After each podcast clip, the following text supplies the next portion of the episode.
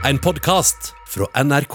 Altså, hvis alt det her er greit, så må jeg si at jeg frykter litt for framtida. Altså, eller fremtiden, eller framtiden, eller.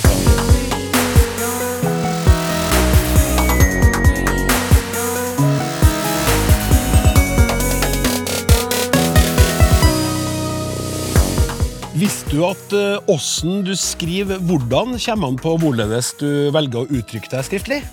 For på norsk er det mye som er lov, og det kan føre til både begeistring, forvirring og fortvilelse. Jeg heter Klaus Sonstad og ønsker herved velkommen til et språksnakk fylt til randen med innhold. Kommunal- og moderniseringsminister Nikolai Astrup delte nylig ut tre klarspråkpriser. Han kommer til oss sammen med to av vinnerne. Vi skal se på hvordan skriveopplæringa til førsteklassinger kan bli bedre. Ukas gjest i Ut med språket er mannen bak boka Griseflaks, en somalisk veiviser til norske ord og uttrykk, og kanskje rekker vi også et lytterspørsmål eller to før timen er over. Ukas ekspertpanel sitter klart, og det består av språkforsker Britt Mælum og språkforsker Randi Solheim. Velkommen. Tusen takk for det. Ja, Hvis en på jobb hadde spurt deg hvordan eh, bøyes kollegaer i flertall, skriver man kollegaer eller kolleger? Da kunne du ha svart ja. For i skriftlig norsk, nynorsk og bokmål så har vi en helt enorm valgfrihet. Mye større enn de fleste av oss er klar over. Og det her er det både fordeler og ulemper med. Språkforsker Britt Mælum, hvorfor har vi denne valgfriheten? Da må vi gå til språkhistoria. Vi tåler litt av historie? Vi tåler litt av historie. Ja, vi må tilbake på 1800-tallet, og det er jo med Aasen og Knutsen og det, alt det som det førte med seg, altså etter 1814. Og vi kan si at det, fram til 1814 og litt etter det, så var Norge et ganske normalt, nå prater jeg i anførselstegn, språksamfunn, der folk skrev dansk. Basta. Men så kom da dette prosjektet med at du skulle lage et norsk språk. Eller vil si vi fikk to norske språk. Landsmål og riksmål, som det heter. Altså nynorsk og bokmål. Og hele det, det prosjektet, det førte med seg Da hadde jo allerede en valgfrihet der, med de to språka. Men internt i de to språka ble det veldig mye valgfrihet. Og jeg kan bare ta ett eksempel først, liksom med, med han godeste Knutsen. For det, måten, altså han prøvde jo da å skrelle av det danske trekka, slik at det skulle bli norsk. Trylle dansk til å bli norsk. Og, be, og da det ble innført som skrivemo, offisiell skrivemåte, så, så ble dansk opprettholdt som en valgmulighet ved sida av de norske skrivemåtene. Ja. Slik at du hadde hele tida, så lenge Knutsen òg var i Vigør sjøl, så var det en mulighet skri, en valgmulighet at du kunne skrive orda på dansk, men valgfritt på norsk måte. Og allerede der var det en var det en åpning med valgfrihet. Men så da det virkelig klemte til med, med valgfrihet i det norske skriftspråksamfunnet, det var med samnorsken. Samnorskideen som kom Knutsen mente nok sjøl at det, bokmål og nynorsk skulle smelte sammen i ett språk, sa han faktisk sjøl. Men fra 1915 cirka, og utover da, så var samnorskideen offisiell norsk språkpolitikk. Nå snakker vi ikke om, snakker ikke om valget mellom nynorsk og bokmål Nei, nå. internt. Og da, det er da jeg vil inn på den med samnorsken, da. Skal prøve å forklare det. For at det, altså samnorsken som idé, det var jo at det, bokmål og nynorsk skulle smelte sammen i ett språk. På sikt. Og for å få til det, så måtte du jo føre inn former som gjorde at nynorsken ble litt nærmere bokmålet, og bokmålet ble litt nærmere nynorsken. Så hvis jeg hadde hatt ei tavle nå og kunne tegne to sirkler som delvis overlapper, og inni den overlappen Sant, Randi? Der, der, der, ville du, der kunne du finne de samnorske formene, for de var felles for bokmål og nynorsk. Ja. Og, og slik sett så utvider en altså eh, nynorsken som norm. Du fikk flere former inn. Du kan ta et godt eksempel, da. Fram til 1915, nei, 17, faktisk, så var det, kun, tror jeg dette blir riktig, så kunne du ikke skrive eh, bygda. Verken på landsmålet eller riksmålet. Du måtte enten skrive bygden på riksmål, eller bygdi på landsmål. Ja. Men da kom bygda inn som form. Og der var jo en slags egentlig fellesform da, som begge normale tok inn. Så da hadde du plutselig tre måter å skrive bygda på. Eller bøye bygd, ei bygd på. I bestemt form, entall. Det skjønner jeg. Eh, men Det at vi har så eh, mange valgmuligheter i skriftspråket vårt, hvor spesielt er det egentlig? Det er no, altså jeg har ikke oversikt over alle verdens språk, men det er nok ganske så unikt dette her at vi har så mange varianter ta norsk, da. Det er jo faktisk det. Du har jo liksom radikalt bokmål, konservativt bokmål, midt imellom bokmål, litt moderat bokmål, og så har du flere varianter av nynorsken. Med i-mål, a-mål. Altså, du har jo et spekter som du kan velge mellom. Og at ett og samme ord kan bøyes da på mange forskjellige måter. Mange forskjellige måter. Mange forskjellige til dels. Ja, Forvirrende mange, spør du meg, men det gjør du ikke. Vi skal gå videre til deg isteden. eh, Randi, språkforsker du òg.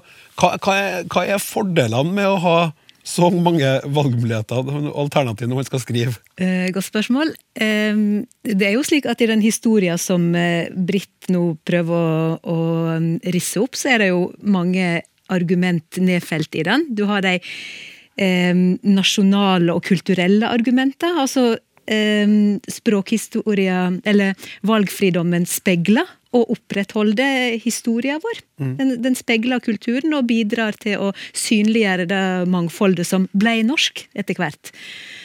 Og så er det mm, sosiale og demokratiske argument. Altså alle fikk på en måte bidra i denne her norma, både ved at de ulike geografiske former ble med inn, og former fra ulike sosiale lag. Både fra danna, den danna dagligtalen i, eh, eh, Kristiania, og fra bredere lag av folket. Og så sist, men ikke minst, så er det pedagogiske og personlige argument som er nedfelt i denne historien. Og, og spesielt de har, vært, de har vært gjennomgående, de har vært med hele veien, for det er en grunntanke at det er at en, det at en kan legge skrifta nær opp til dialekten sin, det at en kan eh, vise fram sin språklige identitet gjennom skrifta, det blir regna som et eh, pedagogisk prinsipp. Men så kan det òg være vanskelig, det er jeg helt eh, eh, med på. Men det er altså meninga at en skal finne sin norm, Ja. finne sin stemme. Finne sin stemme, sin skriftlige stemme. Og så toucha du innom det nå, eller nå berørte du det, for å bruke norsk her, da. Vi er opptatt av det. For der, der det er fordeler, så vil det jo kanskje også finnes ulemper. Og valgfriheten er enorm, men hva er ulempene med det? Kan, kan ulempene med det være? Altså, det er jo klart, det, det er jo vanskelig å, det er vanskeligere å lære seg flere ting enn å bare holde fast på én ting. Eh, hvis at en eh, ser veldig eh, smalt på det. Eh, men så er det veldig interessant å eh, spørre seg sjøl hva er bakgrunnen for at vi oppfatter det som vanskelig.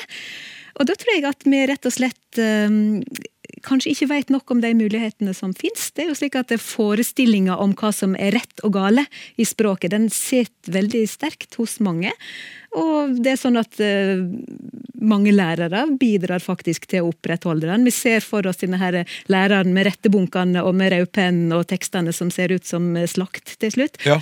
At uh, en kanskje ikke er flinke nok til å vise fram de mulighetene som en har. Og at vi ikke er flinke nok til å, å, å bruke dem. Altså, Ja.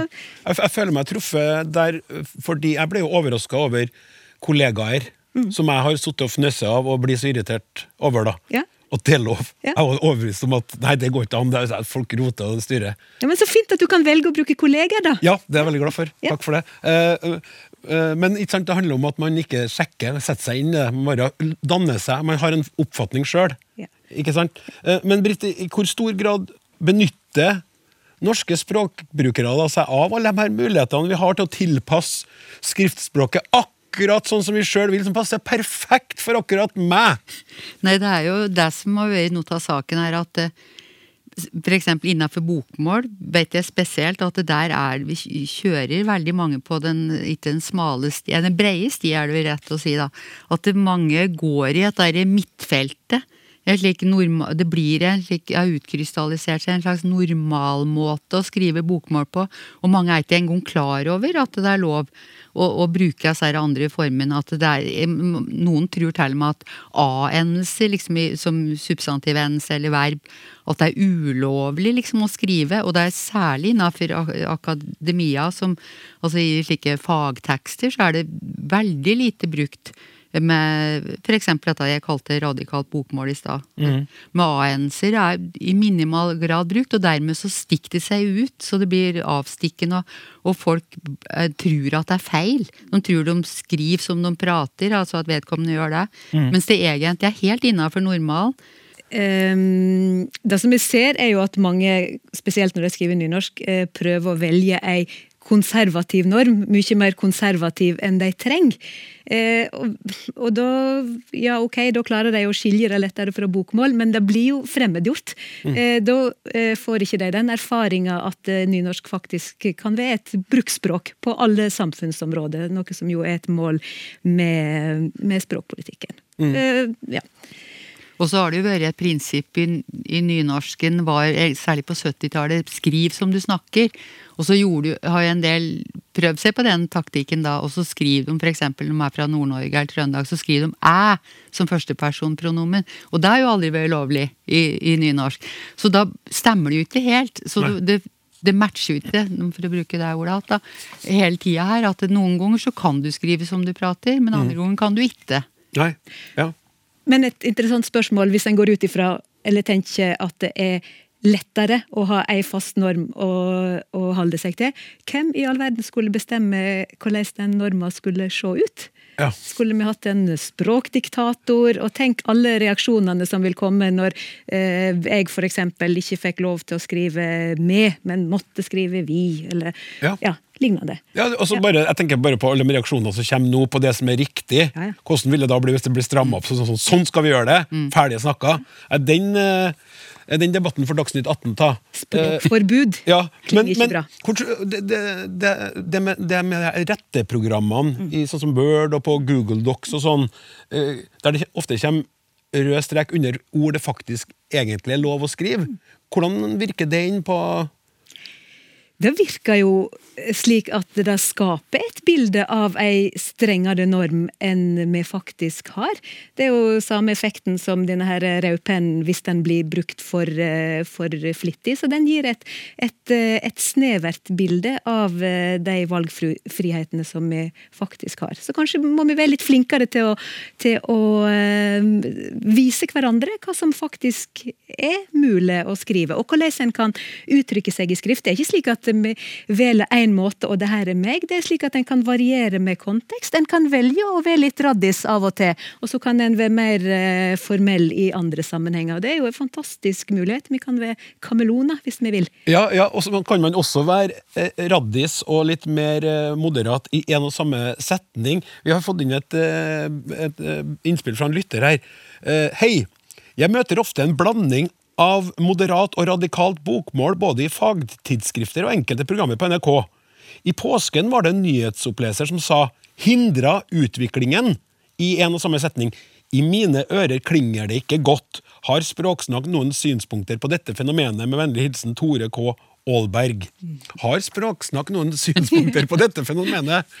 Det er jo ikke noen regler som sier at du må det, men det har jo med stil å gjøre. Så det er jo ei forventning om at når du tar A-endinga i bruk i den første varianten der, så skal du gjerne bruke det i den andre òg. Men, men en kan faktisk ikke si at det er feil, men det har med stil å gjøre. Mm. Det her er jo det som er så fascinerende og frustrerende med det norske språket. Man kan faktisk ikke si at det er feil, men det har med stil å gjøre, og man kan kjenne sjøl på hva man syns om det. ja, er ikke det fint? Jo, jo da, det er fint. Og hvis du kan jo bruke- Fremtiden, framtida, fremtida eh, og framtiden.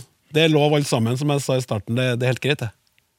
Men det som, jeg- så jeg tenker på de her eh, unge menneskene i norsk skole som driver og skriver masse eh, tekster og, og leverer i, hele tida, og så på mobilen sin så skriver de veldig ofte på dialekt og dundrer på. Det, det er et sånt, der er et spenn. Ja, og det er jo veldig interessant, og det er jo et, eh, et interessant tema i seg sjøl. Men um, en kan jo tenke seg at det at ungdommer i dag skriver på dialekt i personlig kommunikasjon og på sosiale medier osv. Og, så og det er helt utenkelig for dem å skrive normert bokmål eller nynorsk i den type kommunikasjon. Eh, en kan jo tenke seg at de illustrerer eh, behovet for å uttrykke seg eh, personlig. Behovet for å forankre seg sjøl lokalt gjennom å bruke sin egen dialekt. Og så er en kanskje ikke alltid klar over at en har faktisk ganske stor valgfrihet i de offisielle normene òg. Men jeg mener jo at det er en kvalitet i seg sjøl at ungdommen uttrykke seg på den måten. Det er jo med å utvide repertoaret deres, og de er veldig flinke til å, å, å tilpasse repertoaret til kontekster, til mm. ulike kontekster. Og kanskje kan det føre til at de blir mer nysgjerrig på øh, å og teste ut andre uh, muligheter innenfor det skriftlige, litt mer seriøse skriftlige. Det, altså Mulighetene er så mange. Vi må jo oppfordre folk nå om å prøve å finne sin skriftlige stemme. Mm. Det er fra, et ønske fra oss nå, ikke sant? Mm. Tusen takk eh, skal dere ha. Eh, fra å snakke om å sette pris på språklig valgfrihet, skal vi nå snakke om å få pris for språklig klarhet. Språksnakk. Denne uka så ble Klarspråkprisene for 2020 delt ut. Det handler om tre priser. Én til et statlig organ, én til en kommune og én til en enkeltperson. Felles for vinnerne er at de jobber systematisk med å gjøre offentlig språk klarere. Og Kommunal- og moderniseringsminister Nikolai Astrup, du fikk æren av å dele ut de her prisene. Hva er poenget med å ha en sånn kåring? Jeg tror det er veldig viktig å vise frem de gode eksemplene på hvordan man jobber med klart språk. Fordi klart språk det handler egentlig om ja, demokrati. Det handler om medbestemmelse. Mm. I den forstand at eh, folk må forstå hva det offentlige prøver å kommunisere for å kunne delta i demokratiske prosesser. Eh, og det handler også om å ha en effektiv forvaltning, og om at folk flest ikke skal bruke tid på å måtte tolke hva det offentlige har prøvd å si. Enten det er i forskrifter eller det er i vedtaksbrev som man får tilsendt i posten. Så dette er viktig arbeid, men det er ikke noe vi kan vedta. Det er noe som må jobbes med hver eneste dag, og det handler om å skape en kultur for klart språk. Eh, og da er disse prisene eh, tror jeg, et bidrag til at man får satt klart språk på dagsordenen. Ja, og i, i, kategorien kommune så gikk jo Bergen helt til topps, og der er jo innbyggerne bl.a. veldig fornøyd med informasjon fra kommunen.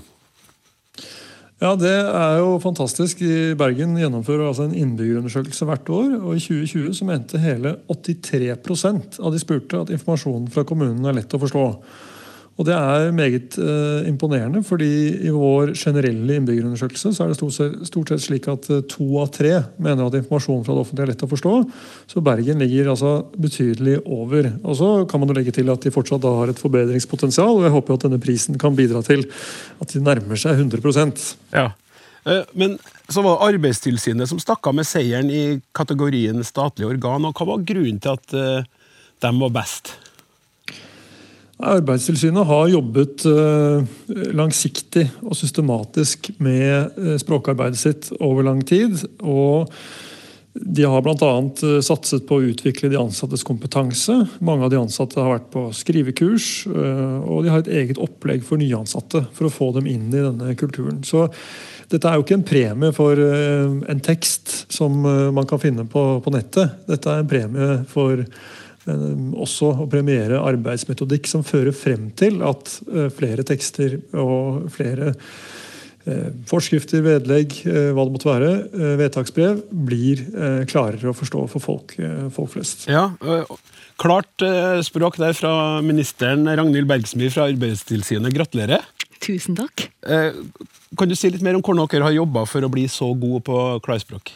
Ja, det er jo sånn at Først må jeg si at Når Arbeidstilsynet skal bidra til et bedre og tryggere arbeidsliv i landet vårt, så er det klart at vi må skrive tekster som både er mulig å forstå, og de er tydelige på hva mottakeren skal gjøre etter å ha lest teksten.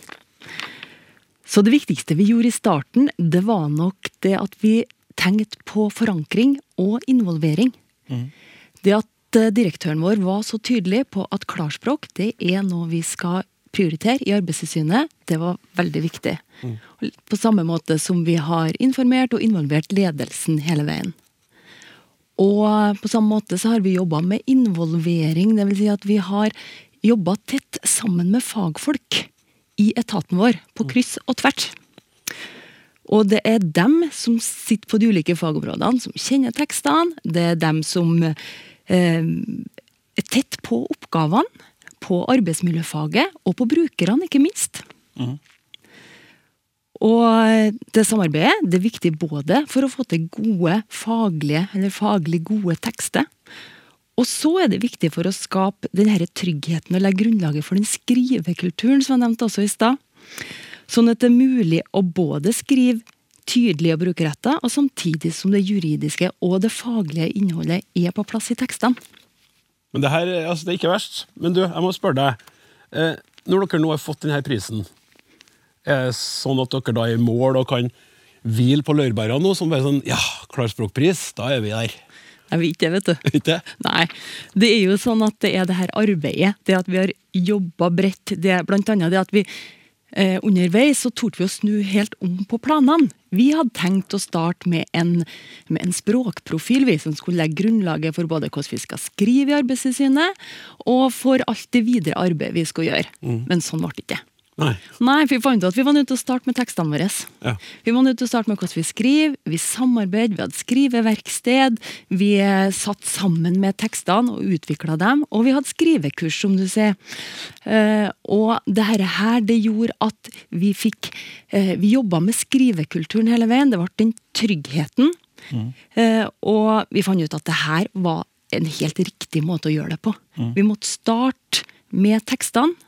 Og så, når vi nå i vår lanserer den språkprofilen, som vi også har jobba med, så er den bygd på de faktisk, faktiske tekstene som vi har i Arbeidstilsynet. Ja. Og det er nok en mye bedre måte å gjøre det på enn å starte med en løsdrevet språkprofil. Ja, så bra. Du, Ragnhild, du kunne jo vært eh, dobbeltvinner her i dag. Eh, for du fikk også hederlig omtale i kategorien Årets trekkhund. Men der var det en annen person som trakk det lengste strået. Og eh, eh, Kommunal- og moderniseringsminister Nikolai Astrup, gi oss noen ord om Årets trekkhund. Du, vi, vi ønsker jo at klarspråkarbeidet skal være godt forankret i virksomheten, og at ledere har eierskap til dette arbeidet, men vi trenger også særlig dedikerte ansatte. Og Derfor deler vi også ut eh, utmerkelsen Årets trekkhund. Og Den går da til en person som har gjort en spesiell innsats i klarspråkarbeidet i stat eller kommune. Og i, år så var det altså Ingvild Eriksen, eh, som er kommunikasjonsrådgiver i Direktoratet for e-helse, som eh, stakk av med den prisen. Og det er vel fortjent, fordi det er klart det å stå midt i en pandemi og jobbe med klarspråk, eh, det er utrolig viktig.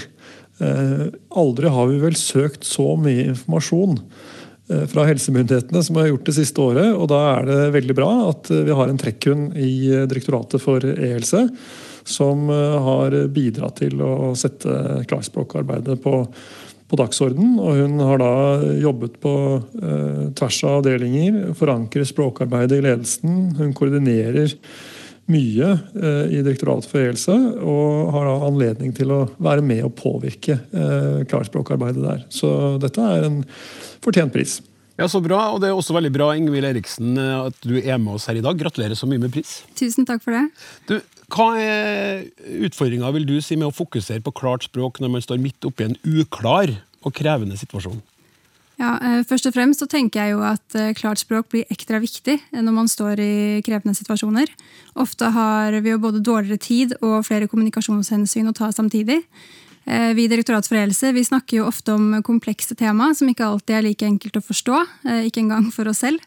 Eh, Så dette er jo også en av de tingene som jeg er mest opptatt av, at vi skal skape forståelse fra innsiden. Så hvis vi klarer å endre vår interne skrivekultur og fokusere på klart og godt helsespråk, så vil det også komme våre eksterne budskap til gode. Da. Vi har jo en eh, utfordring eh, i at vi snakker til mange ulike målgrupper. Alt fra Helse- og omsorgsdepartementet til leverandører, politikere, helsepersonell, innbyggere og pasienter.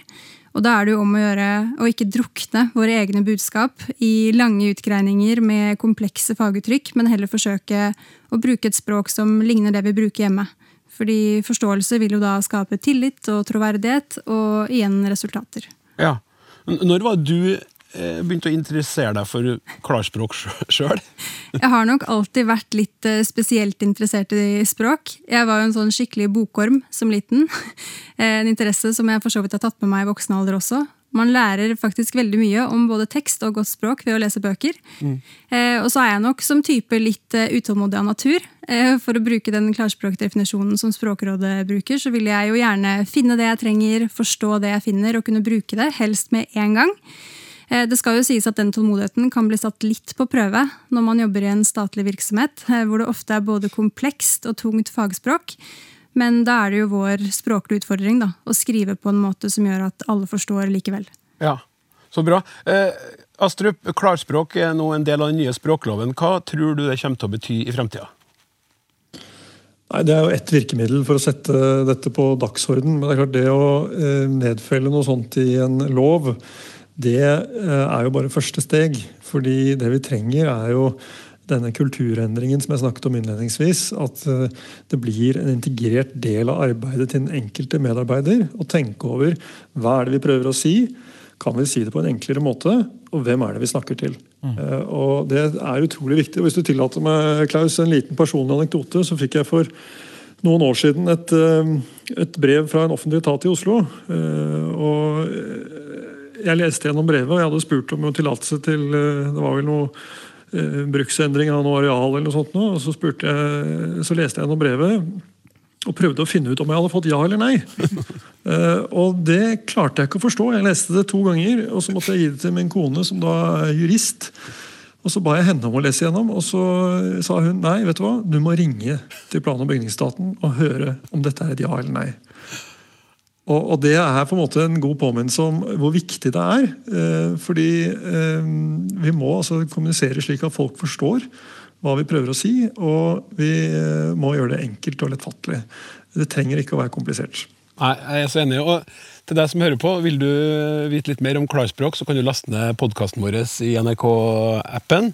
Tusen takk til Nikolai Astrup, Ragnhild Bergsmyr og Ingvild Eriksen. Nå skal vi straks hilse på ukas gjest i Ut med språket. Språksnakk med Klaus Sonstad. Se for deg at du kommer til Norge. Du kan ikke et ord norsk, men begynner så smått å lære deg språket. På din nye jobb henger du sånn noenlunde med i lunsjpraten, helt til noen begynner å snakke om en virkola som alle andre hopper etter. Ikke aner du hvem denne personen er, og ikke har du sett et eneste skihopp i hele ditt liv. Da kan det være lett å ramle ut, helt til man finner ut hva det egentlig handler om, og det har jo du gjort, eh, Ali Mohammed, som er ukas gjest i Ut med språket. Velkommen! Tusen takk. Du, eh, du er fra Somalia opprinnelig. Ja, det stemmer. Og du rakk å bli 20 år før du flykta derfra. Eh, husker du Kan du si noe om hvor språkinteressert du var den gangen i Somalia? Du, eh, språk er jo Jeg husker jo den omringte meg hele livet. Eh, Somalia er jo eh, Vi bruker jo arabisk eh, pga. Religion, eh, religionen. Så jeg gikk jo på skolen, og vi hadde jo arabisk. Eh, det andre var Jeg var jo fotballinteressert, så vi så jo masse fotball på TV. Premier League, stort sett. Og da blir du også vant med andre språk, som engelsk. Så det med å ha flere språk i, i, verktøyet er jo sett som eh, fordel f.eks. For på enten at man skal studere eller jobb eller de tingene der. Mm -hmm. Så jeg var jo bevist eh, eh, på det hele veien. Ja, og, så, og så flykta du fra Somalia med båt fra Libya og havna på Malta? Eh, ja, det stemmer. Jeg tok jo en båt fra Libya. og Båten tok jo 24 timer, eh, så det var jo en av de merkeligste tingene som jeg har gjort i livet mitt. Eh, vi hadde jo, jeg husker jo liksom, vi var jo 24 stykker. Vi hadde jo ingen redningsvester eller noen ting. Eh, så det var jo bare å hoppe i det. Eh, og det andre var jo ingen planlegging eller HMS eller noe som helst. Så det var tut og kjør. og vi endte jo opp i Malta etter 24 timer. Ja, og etter 24 timer på vei til Malta så ble du der i fem år. Ja. Og på Malta, så Hva snakker de der? Eh, Malta de har jo både eh, engelsk og maltes. Eh, så landet var jo eh, britisk koloni for eh, 100 år. Så du kommer jo langt med bare å kommunisere med engelsk. Så jeg brukte jo det og lærte utrolig mye på de eh, fem årene jeg har bodd der. Og jeg husker jo liksom, Det er ikke som i Norge, at du blir jo sendt eh, til kurs og skal lære eh, og alle de rettighetene. Man må liksom lære det på gata, på jobb og andre steder. Så det gikk jo fort. Eh, Jeg hadde jo ikke noe valg, og jeg hadde jo litt fra før, så det gikk jo veldig fint. Ja, Så det var egentlig først da du kom til Norge som kvoteflyktning 31.1.2012 at du fikk et skikkelig språksjokk, da? Du, Jeg var jo helt til 100 da jeg kom til Norge. Veldig fornøyd. Jeg liksom leste litt om Norge. Visste jo liksom at det var et flott land eh, med alle de, de tingene som det innebærer. Men eh, jeg husker jo etter noen måneder gikk eh, lufta ut av ballongen. Plutselig, Det var ikke bare språket. Liksom, det var jo å bli kjent med andre mennesker, bygge nettverk, jobb, alle de tingene da. Og, eh, og det var jo første gang i livet mitt at jeg blei eh, ensom. Eh, alt Ja. var jo på skinner. Jeg hadde jo hybel og alt det der. Jeg Bodde jo første gang aleine og de tingene der. Men jeg husker jo liksom at jeg plutselig følte meg helt eh, isolert, på en måte, og hadde jo ingen. Eh, så det var jo, det var jo skikkelig nedtur. Eh, Ja. Du, så du kom til Bamble eh, med en gang, du? Ja, det er ofte det er jo det med Fordelen med å være kvoteflyktning er jo alt går jo på skinner. Du kommer jo til, kommune, til en kommune, og alt er jo tilrettelagt. Eh, undervisning, bolig, hvor du skal bo. og liksom Ting går jo fortere enn hvis du sitter på en asylmottak eh, eh, og ikke vet hvor du skal ende opp. Eh, så Sånn sett, det gikk jo veldig fint. Men likevel så følte du deg isolert. Handla det mye om, om det språklige òg, da, eller? Det handler jo om liksom, kulturbiten nå. Eh, jeg kommer jo fra en helt annen kultur, eh, som, eh, og det å ta kontakt med andre mennesker er jo liksom selvsagt. da. Du trenger ikke å gå rundt grøten. Hvis jeg møter en somalier, det er rett på sak. Vi drikker en kopp kaffe. Du blir jo invitert på middag og bryllup og gud vet hva. Mens her i Norge, sant, det tar jo fryktelig lang tid. Så snakker du med fremmede mennesker her i Norge, enten du er gal eller full, eh, ikke sant. Eh, og du lærer jo etter hvert at det, at det er ikke sånn at du skal ikke ta kontakt med mennesker som du ikke kjenner. Eh, så den sårbarheten å bli avvist er jo stort. Mm. så du tar ikke kontakt med andre mennesker. Og jeg husker jo liksom at det var jo veldig tungt å bare gå ut og ikke få en eneste øyekontakt. da. Mm. eller, og folk alle er jo liksom opptatt på sitt og tidsklemme og alle de tingene der. Mm. Alle hadde jo travelt. Og så, og så er det jo det med, som jeg vet at du er opptatt av, at, at den her, den her kommunikasjonen, ikke-språklige kommunikasjonen, også det å få snakke med andre mennesker, er jo så viktig for å lære seg et språk. Ja, men det er ofte det er jo Alle som har barn, kan jo bekrefte det.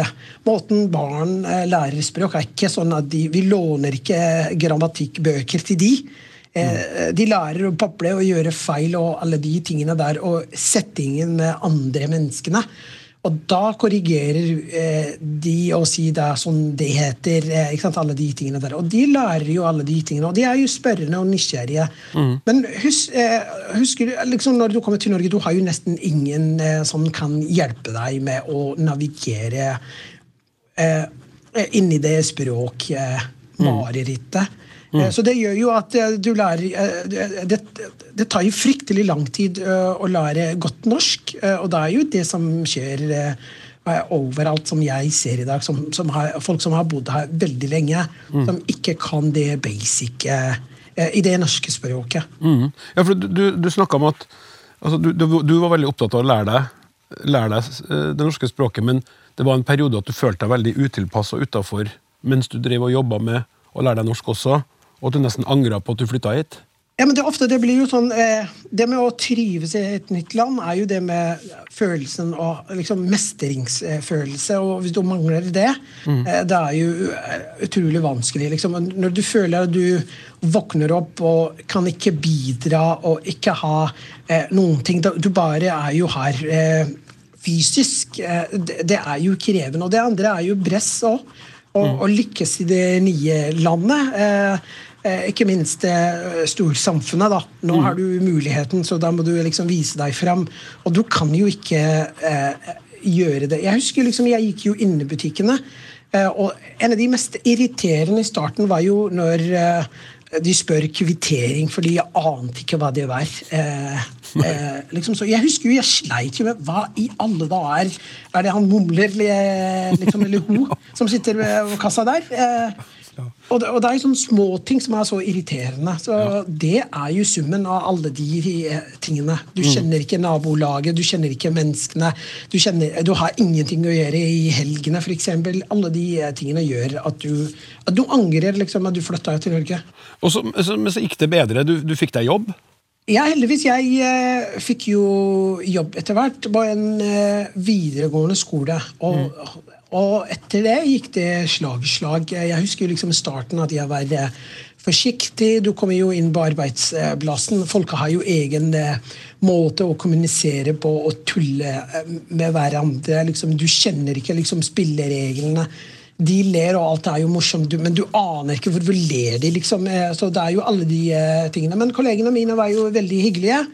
Eh, inkludert meg eh, fra dag én. Og etter Eh, etter hvert, Jeg ble jo varm i trøya, så jeg fikk jo masse hjelp. eh, Liksom, fordi jeg har jo sagt eh, rett ut at vet du hva, jeg kjenner jo ingenting. Ja, du, Eh, og da fikk jeg, eh, fikk jeg hjelp med å Nesten opplæring på alt eh, mellom himmel og jord. Så de stopper og forklarer, og da kan jeg spørre og gnage og, og få alle de eh, liksom, kunnskapshølene, liksom fylle vi dem ut. ja, for det har du vært veldig opptatt av. Og så har du noen, du har jo noen veldig Altså For oss er de jo veldig morsomme, de, de eksemplene dine. Og for deg så har de sikkert vært traumatiske. Så jeg har, jeg har veldig respekt for at du ikke opplevde det som noe så hyggelig i situasjonene. F.eks. på lunsjrommet, der du, der du sitter og hører sånne ord og uttrykk som bare kastes over bordet, og du sliter med å forstå hva det handler om. Nei, jeg husker liksom ofte det, Når du kommer på jobb, eh, folk har jo de referansepunktene de har. De nesten vokste jo opp i samme land og samme erfaring og alle de tingene der. og Det gjør jo at eh, det er jo lettere å kommunisere når vi har samme utgangspunkt. Eh, men jeg satt jo der på en personalrom, og plutselig de begynte å snakke med, eh, om eh, Edvard Brå. eh, Da han brakk staven. Eh, og for min del ringte jo overhodet ingen bjeller. eh, liksom, og og, og- det andre er jo Du lærer jo fort å, å late som at du er med, da. Du forstår, fordi det er jo ekstremt sårbart å liksom, å være festbrems og henge etter hver eh, eneste hjørne. Mm. Så jeg uh, brukte jo ikke energi på det. Jeg, jeg tenkte det er jo en gammel fyr fra nabolaget. Det er jo skjedd et eller annet med han. Eh, brakk staven. Hva er det? Så jeg brukte jo ikke energi på det. Eh, men det er jo sånn sett at, det, at folk sitter der og eh, liksom Tenk på det, så lenge siden det var. Eh, så hvis du ikke har det eh, eh, liksom, Vi har ikke snø eller noen noe som helst der nede. Det gjør jo at, at for min del eh, Det var jo totalblankt. Eh, og så har du gjort en, en interessant observasjon. Vi er jo kjent med meg. jeg synes du beskrev det veldig godt til meg da vi snakka sammen eh, før sendinga av, eh, av, av det med nordmenns reserverthet og nordmenns eh, At du ikke får nesten et nikk en gang, men så skjer det noe, for du, du var på julebord en gang. Jeg, det, jeg tuller jo med det greiene. En av kollegene mine er jo også som sier jo ingenting. Han sier ikke 'morgen' engang. Eh, men når det kommer til julebord, det er jo det meste skravlete mennesket jeg har sett noen gang. Så jeg sier jo til sjefen vet du hva, han må få lov å drikke hele året. Eh, og det er jo det jeg husker jeg oppdaga første gang jeg var på julebord. Jeg var så glad fordi jeg trodde at jeg her har jeg så mange venner. Eh, Så nå løsnet det endelig for meg. Men jeg kom jo på jobb på mandag, og det var like ille som før. Det var ingen som hilste igjen. Så jeg skjønte jo liksom alle de tingene som skjer på julebordet, jo, skal være der. Eh. Du tar ikke videre på jobb på mandag. Nei. Eh, Så nordmenn med sånn eh, litt godt i glasset, helt konge. Da har du liksom mye å snakke om. Ja. Det, det, det er snålt. Det er så treffende. Det er rart at du Ja. Det må være merkelig for deg å se det utenfra. Men, men hvordan, husker du hvordan du opplevde eh, lyden av norsk da du kom hit og, og forsto at eh, nå skulle du altså Du hadde vært på Malta, der kunne du snakke engelsk, men her skulle du lære deg et helt nytt språk. Husker du hvordan du, hva du tenkte om lyden av norsk? Lyden, De lydene jeg kunne ikke plassere noe sted. Det var jo ikke Jeg hørte jo aldri sånne lyder og eh, bokstavform, alle de eh, tingene der. Så jeg husker jo liksom, jeg blei jo helt satt ut, og jeg tenkte alle dager, hvordan eh, skal jeg lære eh, dette språket? Men eh, igjen, jeg er jo litt optimist, da. Eh, så da tenkte jeg ja, ja, er bare å prøve. Liksom, så det var jo det tankegangen. Eh, men, men jeg husker jo starten at jeg var jo livredd, men andre var jo Jeg hadde jo vært ute i vinternatt før. Eh, så jeg tenkte vet du hva, jeg kommer å fikse det her. Det er jo Men det var jo merkelig. eh, det Første gang du hører norsk, er jo Det er jo helt eh, merkelig språk, det med alle livene, Og det er jo langt fra Somalia òg.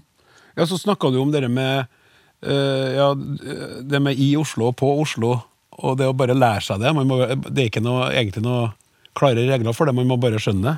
Jeg, jeg, jeg, sleit jo med det starten. og liksom jeg, ofte du er, Hvis du skal lære noe nytt, da, er, jeg er veldig glad i regler. da, eh, Enten det er det eller det. Men jeg fikk jo beskjed om vet du det finnes jo ikke regler der. Så da må du nesten lære det. Jeg fikk jo forskjellig forklaring da. Hvis det er på kysten, det kan du si eh, det og det. Men ellers det var jo ikke treffende. Men det, det var jo en av de tingene. Og det andre er jo liksom, Du bruker jo masse energi å finne et ord, om det er eh, hunnkjønn eller intetkjønn, eller eh, Du bruker jo utrolig mye energi eh, på det. Og jeg husker jeg, jeg sleit jo med det i starten. Men du, du jobba jo veldig hardt med det, og du er jo en, en språkinteressert person. Hvordan opplever du eh, det somaliske miljøet som generelt eh, når, når det gjelder det med å, å beherske norsk, eller å ønske å lære seg norsk? Jeg tror ofte det handler om på, innstillingene. Eh, liksom Hva slags menneske du er. da. Du, og ofte det er jo andre faktorer som spiller inn. Hvis du har kanskje hatt, er ikke gammel eller gått på skole før eller lært et eh, fremmedspråk for, eh, før, da. Det, det gjør jo at det, det blir jo lettere. Og det andre det går jo på interesse, og at man er veldig glad å utfordre seg selv, eh, utfordre seg selv. Og er glad å teste seg og, og bli bedre. Så jeg husker jo det var jo en av de tingene som jeg har satt meg som et mål. at eh, da, at jeg skal bli uh, veldig god uh, i norsk. Og det var jo et mål som jeg hadde før jeg tok jo det norske statsborgerskapet. At eh, den dagen, liksom, Jeg tenkte jo at den dagen jeg skulle bli norsk statsborger, da må jeg- språket være på plass. Ja, det er det jo. Og så har du da gjort et, et arbeid, for du har jo gitt ut en bok som heter Griseflaks. Eh, og den må du fortelle om, for den er, den er interessant. Nei, men det var jo, Boka kom jo egentlig på, det som, eh, som jeg sleit med. Jeg, vi hadde jo elever som gikk på skolen her, som, eh, som skulle lære norsk. Og, og de sleit jo med de alle uttrykkene eh, vi har eh, i Norge. Og jeg husker jo liksom å ha sett elevene bruke masse energi. Og det andre er jo når norskspråket er ikke ditt, da tar du ting bokstavelig som barn gjør. Så jeg så jo noen elever for eksempel, som googla å, øh, å, å kjøpe katta i sekken. Eh, og det er jo merkelig Google Translate. Du kan ikke stole på det en gang, og du får jo masse rare forklaring. Mm. så jeg så jo det med en gang. Og det andre Jeg, hadde jo samme erfaringene òg. Jeg satt på personalrommet. Eh, Eller møter som Folk brukte jo alle de uttrykkene, og jeg klarte ikke å sette det i eh, i kontekst. Etter hvert har jeg lært å tolke det. Eh, Men det er ikke bestandig lett å, å plassere de riktig. Og da begynte jeg å leite etter bøker eh, som er, samme, som er mm, ment for folk som meg, for eksempel, som har flytta til Norge for å lære språk. Og jeg fant jo ingenting. Nei. Eh, Så da begynte jeg å sette i gang. Og det tok jo to år å skrive boka. Og etter hvert har jeg sendt jo overalt til alle forlagene i Norge og fikk jo nei at vi kan ikke gi ut pga. at kanskje den ikke selger bra. da. Det er jo sånn business eh, konsept som de har. Eh, Men jeg gikk jo og selv eh, publisert eh, boka, og gikk jo veldig eh, bra. Ja. For du, du, det du har gjort, er at du forklarer norske ord og uttrykk på som, somali. Ja, jeg tar jo norske ord, og alle uttrykkene i boka står jo i norsk. Og eh, jeg har jo også to eksempler som har tatt fra mediene, fra NRK, VG andre steder, som folk bruker de uttrykkene. Eh, og da forklarer jeg på somali. Eh, bakgrunnen, bruken, og, hvor de kom fra, f.eks. eh, og av og til, hvis jeg kan finne andre tilsvarende uttrykk som er somali, jeg drar jo inn for å supplere med forklaringen. Så Petter Wirkola for eksempel, det er jo et eksempel, og det er jo med ski å gjøre. Liksom. Eh, Norge er jo stor skinasjon, og det er jo liksom, det passer jo bra. Men du kan ikke overføre det til Somalia eller eh, et land som ikke har eh, snø i det hele tatt. Og det andre er jo liksom Dyr er jo brukt også i uttrykkene. Eh, Så da kan du bruke de dyrene som eksisterer i de landene. Så Somalia, det finnes jo en Vi har jo uttrykkene òg, men det er jo en som er med kameler å gjøre. Eh, og det er jo ofte context-based. Og, og, og uttrykket er jo liksom at, eh, at alle kamelene går jo som den kamelen som går foran. Og det betyr jo at eh, vi har jo et eller annet egenskap, enten eh, i form av fysisk eh, eh, eller egenskap, som gjør at vi ligner jo på eh, Kanskje du ligner jo på faren din eller folk som er rundt deg. Mhm. Og så var den veldig fin, den eh, 'Alle veier fører til rom', sier vi også. Og det var jo det, det andre. Vi har jo en som er tilsvarende, og som sier at alle de små veiene fører til store veien. Eh, og Det betyr jo liksom at du kommer jo litt til løsningen til slutt. Spiller jo ingen rolle hvor, ta, hvor, liksom, hvor du går. Eh, liksom, du ender jo opp på midt eh, smørreie, på, på en måte. Ja, for at du, du lærer på de små stiene, og så får du, kommer du inn på en større vei.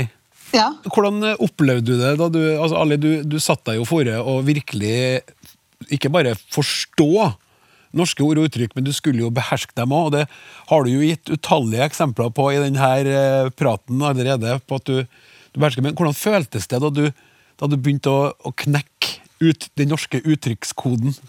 Det var jo helt eh, konge, fordi plutselig eh, fikk jeg med meg en helt ny verden. Eh, fordi starten var Jeg satt jo der og bare eh, Alle de uttrykkene gikk jo bare forbi meg. Eh, så jeg var jo ikke bevist på bruken og måten man kan leke med, med språket.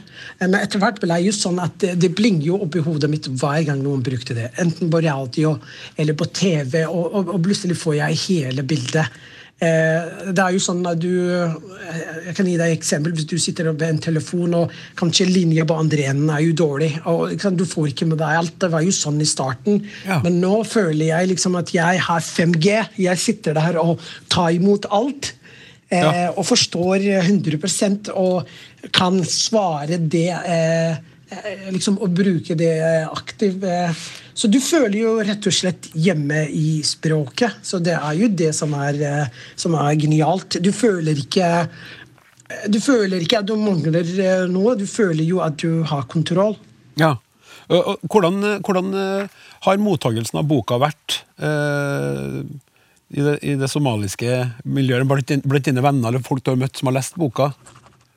Du, Veldig overveldende, eh, rett og slett. Det, det gikk jo som eh, varm hvetebrød, er ikke det det heter? Jo. Folk fra, bestilte jo fra overalt, eh, og så jeg sleit jo faktisk i starten å få unna alle de bestillingene. Så det var jo en berikelse, og jeg har jo lært utrolig mye fra, fra reklame, fra å fakturere, fra å snakke med kunder og følge de opp. eh, Så det, det gikk jo veldig, veldig bra. Eh, Så jeg er jo veldig fornøyd. Eh, En, eh, jeg kalte jo eh, boka 'Griseflaks', og så jeg husker jo en av kollegene mine sa at folk kommer til å brenne boka di på, på grunn av det grisetrynet som du har i boka. Men heldigvis gikk du, det gikk jo veldig fint. Jeg fikk jo bare positiv tilbakemelding. Ja, og Så har du også klart å smitte barna dine med denne uttrykksinteressen, har jeg skjønt. Ja, ja, vi tøyser jo eh, med det eh, ofte. Og sønnen min for eksempel, han er jo lært å slå på tråden. Så han eh, låner jo mobilen min og sier til meg 'Pappa, jeg skal slå på tråden'. Eh, og her om dagen Vi snakka jo om eh, små barn, og jeg har jo lært han at eh, små griter har også ører. ja. Eh, så han vet jo hva, hva det betyr at, eh, at barn er jo rundt oss, og vi tror at de ikke får med seg alt, men eh, de følger med. De følger med. Uh, ja, Ja. uh, veldig, veldig mm, hyggelig å prate med deg, Ali. Uh, og jeg ønsker deg lykke til videre med, med boka der, og kanskje nye bokprosjekt. Det hadde vært veldig morsomt egentlig, at du hadde laga en bok der du beskriver hvordan du oppfatter norske ord og uttrykk for oss. Oss, oss som har, har- kjenner dem så godt, for det er så artig å høre deg fortelle om det. Men det som jeg er veldig spent på nå, det er jo det ene faste spørsmålet i denne spalten. Eh, Ali Mohammed, ut med språket. Ja. Hva er ditt favorittord? Du, Jeg grubla i litt, hvilken, fordi jeg har jo masse ord, men jeg har landa på en uttrykk, og det er ni ny dag, er nye muligheter. Det kan godt hende hvis jeg har en dårlig dag, at jeg tenker jo liksom dagen etter. Det er jo blanke ark. Er bare å kjøre på liksom, og glemme eh, i går. Så det er jo det. Ny dag, eh, nye muligheter. Hver eneste dag er jo eh, blanke ark. Eh, så man kan jo skape drømmene sine og, og kjøre på nytt. Ja, veldig bra. Men Hvis jeg skal være litt streng her, da, så, så må jeg ha et ord. Men skal vi si at det ordet da er, er muligheter, da? Ja, Da fikk du både et uttrykk, ny dag, nye muligheter, og så fikk vi ditt eh, favorittord inni der, da, som er muligheter. da. Tusen hjertelig takk skal du ha. Tusen takk at eh, dere inviterte meg. Veldig koselig.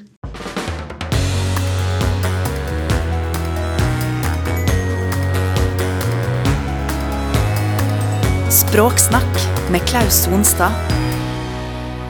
Man sier at barn skal lære seg å skrive når de begynner på skolen, men sjøl om ikke alle har hele alfabetet på plass, så har de veldig mye skriftlig kompetanse når de setter seg bak pulten for eh, første gang. Og hvis man tar hensyn til det, så kan skriveopplæringa bli enda bedre enn den er i dag. Og Språkforsker Randi Solheim, du er med i et eh, stort forskningsprosjekt hvor dere følger skoleelever gjennom første og andre trinn for annet å kartlegge hva ungene har med seg av det dere kaller for skriveressurser inne i skolen. Og når du kommer til et klasserom som er fullt av eh, førsteklassinger som forsker, hva gjør du da? Når jeg står på dørstokken der, så håper jeg jo at de smiler og vinker og sier hei, eller viser at de kjenner meg, for det er jo en forutsetning for at eh, jeg skal kunne komme tett nok på til å prøve å forstå hvordan de tenker om språk, og hvordan de resonnerer, og hva slags hensyn de tar når de skal skrive tekster til noen. Det er jo sånn at eh, Observasjon er jo en vanlig metode i eh, klasseromsforskning. Men hvis du vil komme eh, nærmere inn på elevene sin språkkompetanse og skrivekompetanse, noe som jo er kanskje det største og mest interessante spørsmålet i språkforskninga, så er det fint å komme tett på gjennom å gå i dialog med dem mens de skriver, f.eks. Så jeg kan jo sette meg ved sida av dem og få dem til å mm, tenke høyt, kommentere mens eh, teksten eh, blir til. Jeg kan stille noen små eh, spørsmål eh, underveis om hvorfor de gjør de og de språklige valgene. Og dette her er nyttig fordi at hvis jeg bare samler inn tekstene etterpå, så er det ikke sikkert jeg forstår hva som står der. For det er ikke sikkert at de bruker bokstaver og skriftspråkskonvensjoner sånn som vi kjenner dem, og sånn som de skal lære etter hvert. Ja, hva, hva bruker de hvis de ikke bruker det, da? Nei, altså en, forutsetning eh, for å, å forstå hvordan unger tenker om eh, det her å skape mening med skrift, er at en har et vidt perspektiv på hva skrift er for noen ting. Eh, For vi ser at eh, elevene tar veldig mange ulike ressurser i bruk for å skape mening. De kan bruke tegninger, og de kan bruke stjerner og eh, piler og kryss og overstrykinger og alt, eh, alt mulig.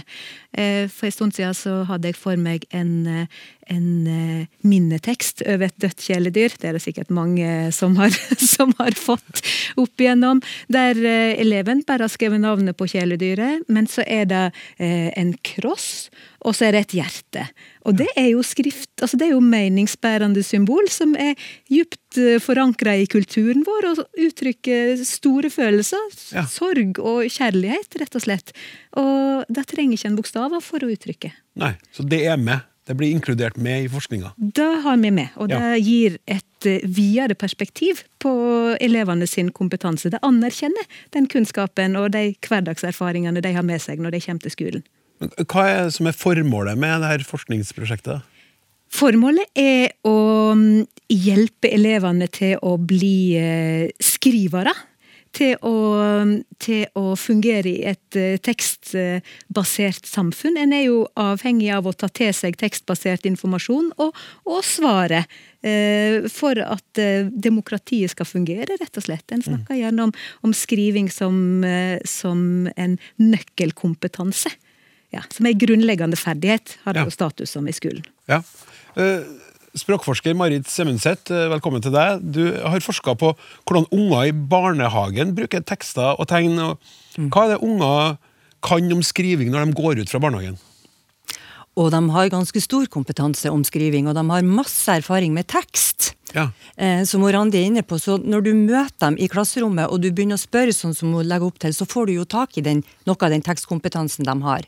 Eh, og bare tenk på hvor mye de har erfart gjennom alle de årene, både hjemme og i barnehagen. Eh, de aller fleste som begynte på skole, har vært på kino mange ganger. Alle de kinoplakatene du har sett, er jo en form for lesing som barn gjør. Og Jeg var på besøk i en barnehage her for en tid tilbake, og der ble jeg møtt på småbarnsavdelinga av et smukkehus. Et, var et smukkehus? et smukkehus. Da de laga et hus forma, eller vanlig hus, og så var det masse rom i det her huset, sånne små firkanter. Og derunder sto navnet på alle ungene på småbarnsavdelinga. Og når de kom om morgenen, hvis de var i humør til det, så skulle ikke smokken være i, men da skulle den legges i rommet sitt. Ja. Og da er det ganske lett for pedagogene, eller foreldrene for den saks skyld, å bare ta smokken og bare legge den der. Men det de her pedagogene gjorde, det var når han Ole, som vi kan kalle han, kom da, og spurte skal du legge fra deg smokken. Ja, det skulle han, Ole. Ja, hvor skal du legge den hen? Så sier han Ole der, for han visste hvor Ole var henne. Så sier pedagogen ja, og det vet du, for du ser at der står det Ole. Og bare det å gjøre sånne små grep som det her, Ja. er med på å lose ungene inn i skrivinga. Men kan det være Så er det da sånn at han Ole da først ser det som altså begynner med at han bare kjenner igjen det som et sånt symbol eller et noe tegn. altså Det er ikke bokstaver til å begynne med, men det er en fin måte å begynne å lære det på. Vi Ja. sier at de lærer det som ordbilde. så det er helt- Ordbilde, ja. Ja. Ja, De lærer hele ordet. Kanskje drar man bare kjensel på den rundingen først. Ja. Eh, at det er den som gjør at det, blir, at det står Ole der. Og så kan det jo hende at han Ole etter hvert vil se at det står Olav eller Ja. Olivia, og så kanskje han blir litt forvirra. Hvor var det nå egentlig det skulle være? Hvor Var det, var det Ole flere plasser? Ja. Men, men de ser det kanskje som hele ord òg, som, som Morandi er inne på. Ja. Eh, Men det er en fin vei inn. Og da tenker jeg det handler det er jo ikke om at du øver på noe, men du loser dem, du gir dem tilgang til skrift og skriving. Og der starter på en måte skriveutviklinga. Ja, ja, akkurat. Og da gleder leder det. det perfekt over til mitt neste spørsmål. Hva slags tekster lager barnehagebarn? Ja, det vi, det vi ser i de undersøkelsene jeg har vært med på, det er jo at de, de lager tekster som er særlig knytta til det de er opptatt av. Det de erfarer, det de opplever i hverdagen sin. Um, og tekster de har bruk for. Um, det er ikke tilfeldig at mange unger lager bursdagsinvitasjonsliste lenge før de har bursdag. Men det er viktig hvem som skal få komme i bursdag, og så får vi skrevet de her navnene på hvem det er for noen vi skal invitere inn. Eh, og så bruker de jo, i hvert fall hvis de oppmuntres til det og ser og har kjennskap til tekst, så vil de jo veldig gjerne gjøre det i leiken sin. Ja. Sånn at rolleleken er jo Der er det jo masse muligheter for òg å holde på med tekst og inkludere tekst. Ja. Eh, når man leker restaurant, hva trenger vi da? Jo, da må vi ha menyliste, eksempel. Det får vi utdelt. Eh, det kan vi lage hvis vi skal på reise. Når vi nå kommer så langt at vi kan begynne å reise igjen. Sant? Da må vi ha billetter. ja. Og det å lage billetter, eksempel, som du trenger. Eh, på butikken, oversikt over varenavn og priser. Altså, alt det her er jo tekster som vi ser at barn gjør bruk av. Og så det de òg lager, som som viser det at de lager Det det er litt artig, syns jeg, det med hus. For vi holdt på å tegne hus når vi var små. Det var en sånn kode og knekk. Og hustegninger syns jeg går igjen den dag i dag. Eh, og det er litt morsomt, men det sier noe om hva som er viktig for oss hva som betyr noe for oss. Og har du opplevd å få eget rom, så det er klart at der er det mye spennende å presentere. Så det som ligger dem nært, eh, vil de gjerne uttrykke. Og når du begynner å spørre sånn som Morandi sier her, hva har du gjort her, hva er det det her handler om, hva er det du har laga her, så er det ganske mye detaljer som kommer til uttrykk når du velger å høre, Ja. og tar deg tid til å høre. Ja, så Bare bak noen enkle symboler, for eksempel, da, så ligger det mye historie, Ja. mye mer, når de begynner å fortelle. Men når, når dere forsker på hvordan man kan gi bedre skriveopplæring, eh, så ligger det jo i kortene at det er ting i undervisninga i dag som kan endres òg. Og mye av det som Marit snakker om nå fra barnehagen, kan en faktisk ta med seg over i skolen. Det er ikke sånn at alt må bli så eh, veldig mye strengere og, eh, og mer korrekt når en kommer i skolen. Og Marit er inne på noe av det som er grunnprinsippet i det forskningsprosjektet som vi holder på med nå, nemlig at elevene får erfare at de har bruk for skrivinga si i ulike sammenhenger i skolen og i samfunnet utenfor. Så da å legge opp til ei skriveopplæring der elevene eh, får kjenne at oi, jeg må jo skrive for å gjøre meg forstått i den situasjonen her, for å argumentere for noe jeg, jeg eh, ønsker meg, eller for å kommunisere med noen som jeg vil ha kontakt med. Så det, så, det å lage skriveoppgaver som, kan, som har et formål, som kan gi svar på noe elevene ønsker seg, det er en nøkkel. Og så kan vi spille videre på kompetanser og erfaringer som de allerede har.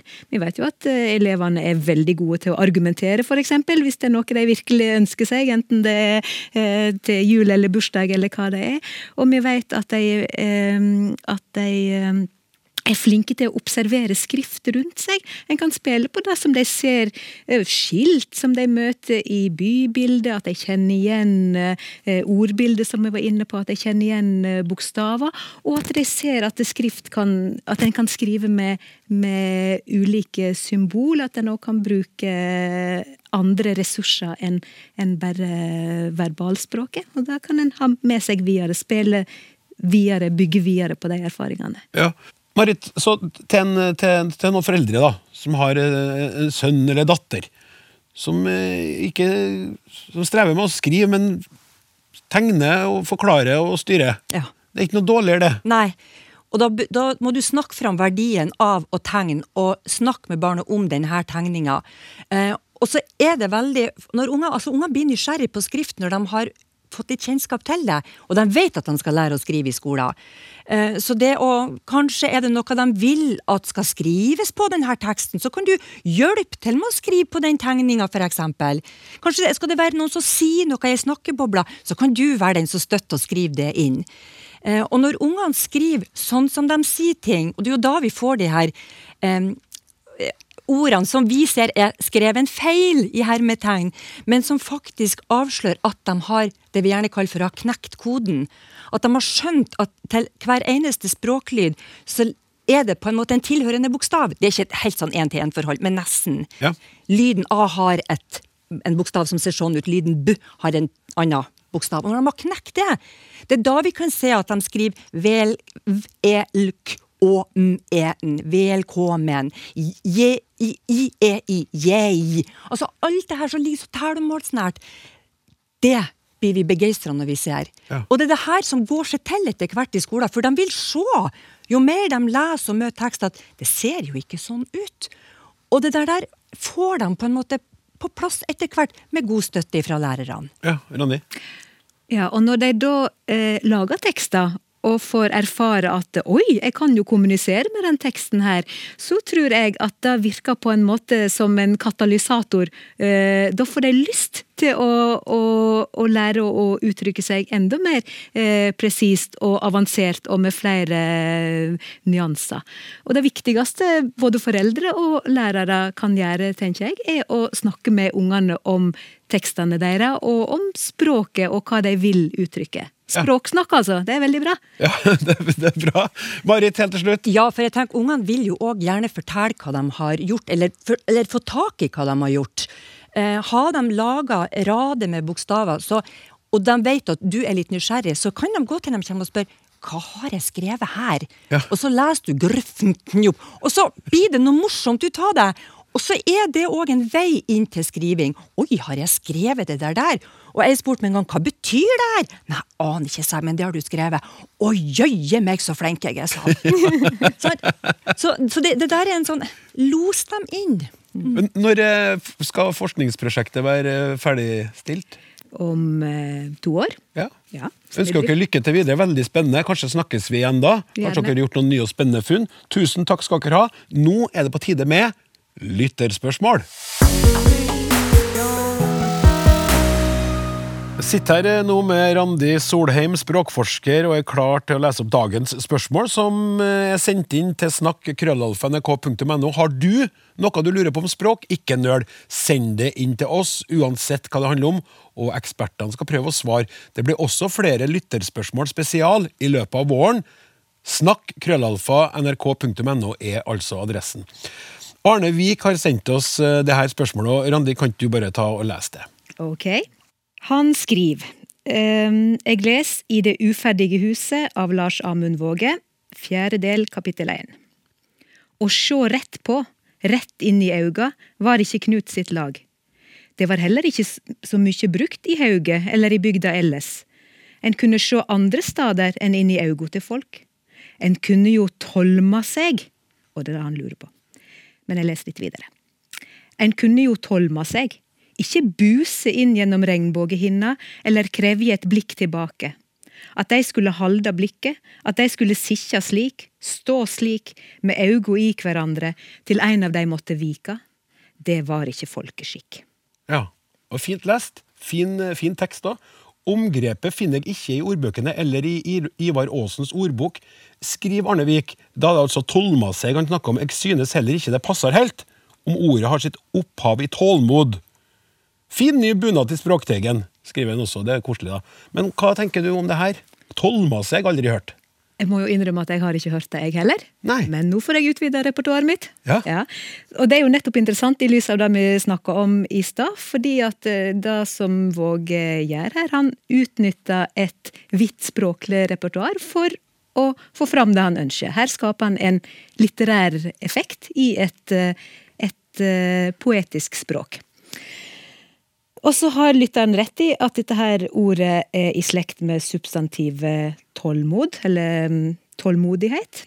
Og begge kommer av det norrøne thål. Thål. Thål, ja. Eh, og det kjenner vi jo igjen i uttrykk som eh, gi tål og slå seg til tåls med noe. Det har du sikkert hørt. Ja. Men tolme, det er jo da verbet som er avledd av thål. Ehm, og da kan en finne i uh, dette her seddelarkivet til Norsk ordbok. Ikke så mange treff, men det er brukt i uh, Hordaland, ser vi. Og det er gjerne refleksivt, altså vise tilbake til Ja, som i den sammenhengen her, og å tolme seg. Eller ei oppfordring. Jeg kan si 'nå må du tolme deg, Klaus'. Ja. Fordi jeg vil bare tilbake til det her eh, litterære. For hva kunne han ellers ha sagt? Eh, Forfatteren han kunne ha sagt at en må ha tålmodighet, altså bruke substantiv, eller en må være tålmodig, bruke adjektivet. Men, men akkurat her så ser jeg nesten for meg han her i Knuten, eller sambygdingene hans, står og på en måte legger band på seg. Eh, står kanskje med hua i, i handa og ser ned i gulvet, for de må tolme seg. De må ikke buse fram og se rett inn i øynene på folk. Det var ikke skikken der i bygda. Og når jeg får de assosiasjonene når, når jeg eh, leser det her, så, så sier det litt om at eh, ja, kanskje det er en god litterær skildring, og det som han gjør. Det illustrerer jo nettopp de valgene som, som eh, skriveren kan ta, ut ifra sitt repertoar og ut ifra eh, bevissthet om eh, de eh, nyansene her. Nå har ikke jeg lest denne eh, romanen, men jeg vet at den er relatert til Våge sin egen slektshistorie fra Sunnhordland. Eh, og slik sett så kan jo det gi et eh, lokalt eh, tilsnitt, for jeg regner med at det er et ord som har vært brukt i dialektene der. Og så kanskje òg en sånn tidskoloritt. Ja. Og så har vi fått utvida repertoaret vårt. Ja, og, og jeg vet ikke om Arne Vik nå liker Tolmansegg bedre, men han har i hvert fall fått et ordentlig svar på spørsmålet. Det håper jeg. Jeg vil til slutt slå et lite slag for de vennlige ord. Har fått inn noe fint her fra Det gamle testamentet, ordspråkene 1624. Vennlige ord er dryppende honning, søte for sjelen og sunne for kroppen. Med vennlig hilsen Randi Myhren. Veldig fint. Språksnakk er ved veis ende. Tekniker Martin Våge, produsent Hilde Håbjørg, redaksjonsmedlem Randi Lillealteren og programleder Klaus Sonstad gleder seg allerede til neste gang. Takk til ekspertene og dagens gjester, og ikke minst tusen takk til deg som hører på. Vi snakkes. Du har hørt en podkast fra NRK. Hør flere podkaster og din favorittkanal i appen NRK Radio.